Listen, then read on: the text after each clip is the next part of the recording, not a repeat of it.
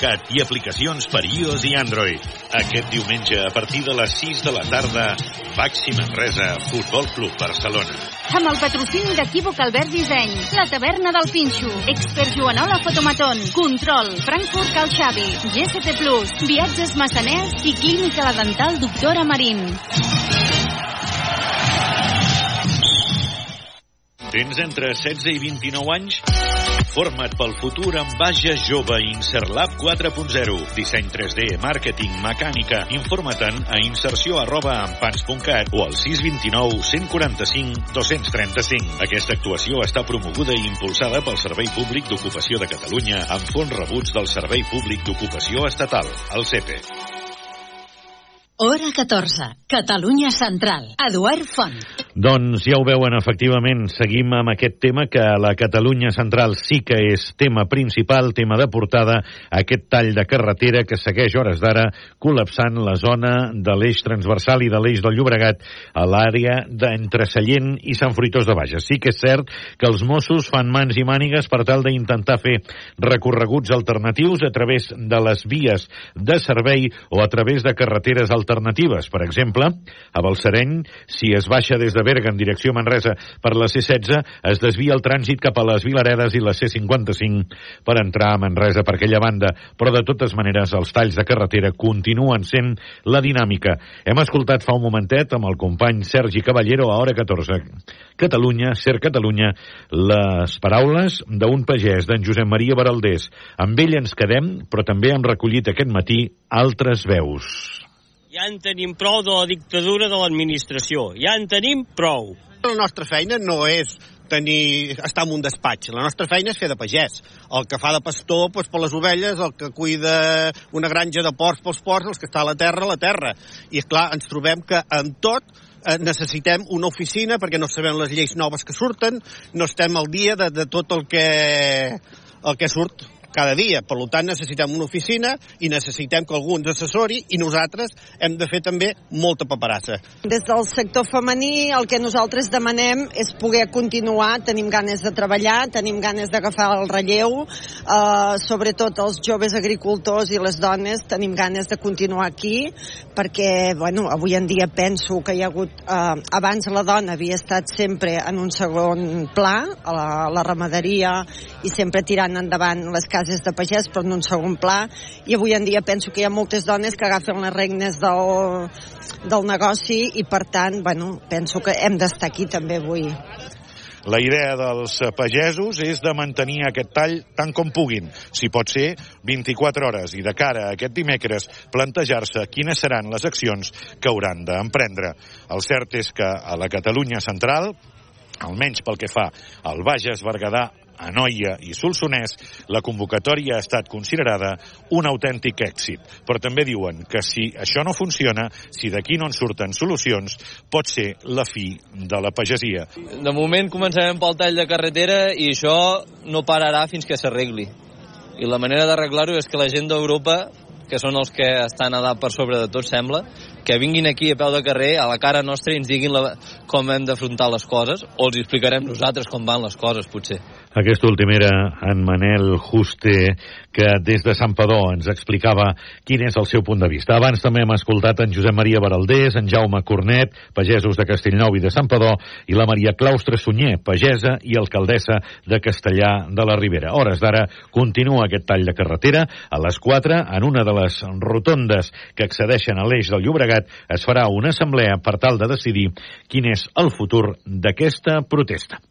Canviem de tema perquè en dos anys més de 600 pacients de càncer atesos a Altaia s'han beneficiat de l'oncologia de precisió. Ens ho explica la Tània Rodríguez. La Fundació Altaia aplica de ple l'oncologia de precisió en l'atenció als pacients amb càncer.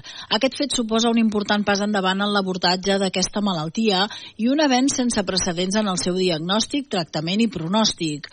Des del juliol del 2021, un total de 633 pacients diagnosticats de càncer a la institució institució s'han estudiat a través de l'oncologia de precisió, que es fixa en les alteracions genètiques trobades en l'ADN del tumor i que en una part dels casos permet prescriure un tractament dirigit específic i individual. A Altaia s'aplica l'abordatge de diferents càncers seguint el programa d'oncologia de precisió del Departament de Salut. Per una banda, en els tumors sòlids, entre els quals els més rellevants són els càncers de pulmó, colon, mama i ovari. També en malalties hematooncològiques, com les leucèmies, linfomes o mielomes, i també els tumors amb predisposició hereditària. Actualment estem podent estudiar eh, amb aquestes tècniques els pacients que tenen els tumors més freqüents, com és colon, pulmó, mama i ovari, per exemple. No totes les persones amb càncer són tributàries de l'oncologia de precisió. Depèn de la tipologia del tumor que presentin. També cal tenir en compte que no totes les persones que entren en el programa es poden beneficiar d'un tractament personalitzat actualitzat.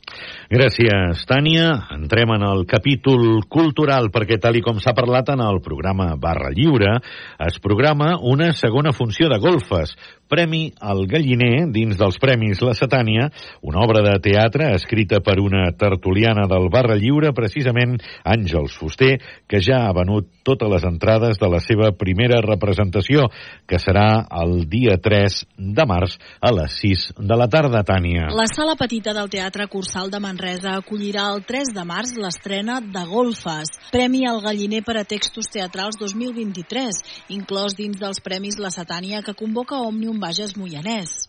Després que les entrades per a la funció del dia 3 a les 6 de la tarda s'exaurissin en 3 hores, ja s'ha programat una segona funció, el mateix dia 3 a les 12 del migdia, per a la que ja es poden comprar les entrades. Es tracta d'una obra de teatre escrita per Àngels Fuster Gamisans, a partir d'una idea original compartida amb Montse Segona Armengol, Montse Sala Perramon, Sílvia Sunyol Magret i Rosalia Jiménez López, que també pujaran a l'escenari per donar vida als seus personatges. Golfes és la història de l'ocupació d'un edifici que està a punt de ser enderrocat per part d'un grup de cinc dones que es troben a la cinquantena. En reunir-se de nou després d'anys de no veure's, aboquen records del passat, però també es qüestionen decisions que les han dut al present que viuen. Cadascuna hi arriba amb la seva motxilla particular, amb els seus complexos, frustracions i renúncies, i troben en l'amistat la força per canviar el rumb de la seva vida. Anem per altres qüestions. Venim encara del cap de setmana amb alguns temes. No vam tenir temps de repassar-los ahir. Va ser Traginers a Balsareny, una festa que va tornar a congregar un munt de gent. Héctor Aranda, des de Televisió del Berguedà. Milers de persones han gaudit des de dijous de la festa dels Traginers de Balsareny. L'edició d'enguany, a banda de gaudir d'un temps primaveral, amb calor a migdia, serà recordada per ser una de les més concorregudes dels darrers anys. Diumenge va ser el dia amb més afluència de visitants als carrers del poble. Una mostra d'això és el fet que l'esmorzar popular, la torrada del traginer, ho va vendre tot. El punt culminant de la celebració, la cavalcada del traginer de diumenge a migdia va tenir algunes novetats, per tal de complir amb la llei de benestar animal, per bé que l'organització ja ha anat adaptant la festa amb un protocol propi per garantir el bon tracte a mules, rucs, cavalls i bous durant la festa des de l'any 2020. I ens n'anem al Solsonès, encara que per primera vegada, per dir-ho així, perquè Turà va celebrar la 35a festa del Brut i la Bruta, que va venir carregada de novetats, i una d'elles és que era la primera vegada que feia la festa, ja sent una població del Solsonès. Durant dos dies els carrers del poble es van emplenar d'actes amb el colofó final, la presentació d'un nou gegant. A més, a part dels actes diurns, es van voler potenciar el panorama musical portant com a cap de cartell el grup Buos, ens ho expliquen des de Televisió de Lleida. L'any L'any 1990, un grup de joves toranesos recuperen la festa del Brut i la Bruta, una celebració popular que es duia a terme el dijous gras abans de la Guerra Civil. 35 anys després, Torà segueix celebrant amb il·lusió aquesta festa, on enguany hi han volgut convidar per primer cop els personatges infantils que també han fet la mostra de balls a la plaça del Pati. Enguany també com a novetat, a part del gegant, també ens eh, pre presentem la, la dansa dels diferents personatges amb infantils. Serà la primera vegada que presentarem i interpretaran la dansa dels diferents personatges, la Bruta, el Brut, el Bonic i la Bonica. Era en Jordi Vila, president de l'Associació Cultural El Brut i la Bruta. Anem pels esports amb Carles Joder. Capital del Baxi Manresa, Guillem Jou ha tornat a la disciplina de l'equip després d'una llarga lesió. Aquesta és una bona notícia. En el partit que el Baxi Manresa va jugar i guanyar in extremis davant el Granada, Guillem Jou ja va estar a disposició de Pedro Martínez, tot i que ara li falta recuperar el ritme de competició. Estic, estic millor, estic ja amb dinàmica d'equip, entrant amb ells ja fa uns dies, no? I, i res, doncs, intentant ja poder ajudar al màxim el que pugui l'equip, el temps que sigui, amb, amb el que sigui, i res, i content ja de poder tornar a estar amb els companys. Jou espera poder entrar en la rotació de Pedro Martínez. Anem enllestint, queden 20 segons per dos quarts de 3 de la tarda, continuen els talls de carretera i segurament continuaran durant bona part de la tarda i vés a saber si de la nit.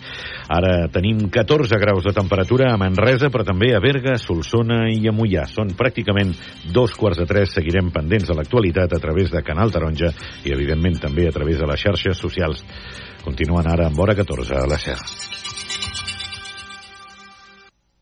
El láser con Javier Casal. Dos y media, una y media en Canarias, la Fiscalía del Supremo tumba el informe del fiscal del caso Tsunami. Los fiscales imponen su criterio y avalan investigar a Puigdemont por terrorismo. Es una noticia importante que viene precedida además de mucho ruido mediático y evidentemente de la estrategia judicial del juez García Castellón que desde la audiencia ha tratado de establecer, ya saben, esa relación que evidentemente puede dificultar la aplicación de una ley, de la ley de amnistía todavía por aprobar. Vamos a ir a Moncloa con una carretero porque la decisión ha coincidido con el final de la rueda de prensa posterior al Consejo de Ministros. Se dice algo, hay una primera reacción ya en Moncloa. Inma, ¿qué tal? Muy buenas tardes. Sí, buenas tardes. Hemos podido preguntar a la portavoz. No ha entrado en el fondo de la pero ha venido a decir que esta no es la decisión definitiva de la Fiscalía. La Junta de Fiscales es un órgano consultivo. Escuchamos a Pilar Alegría. La Junta de Fiscales del Tribunal Supremo ha analizado la ponencia del fiscal encargado del caso, que entiende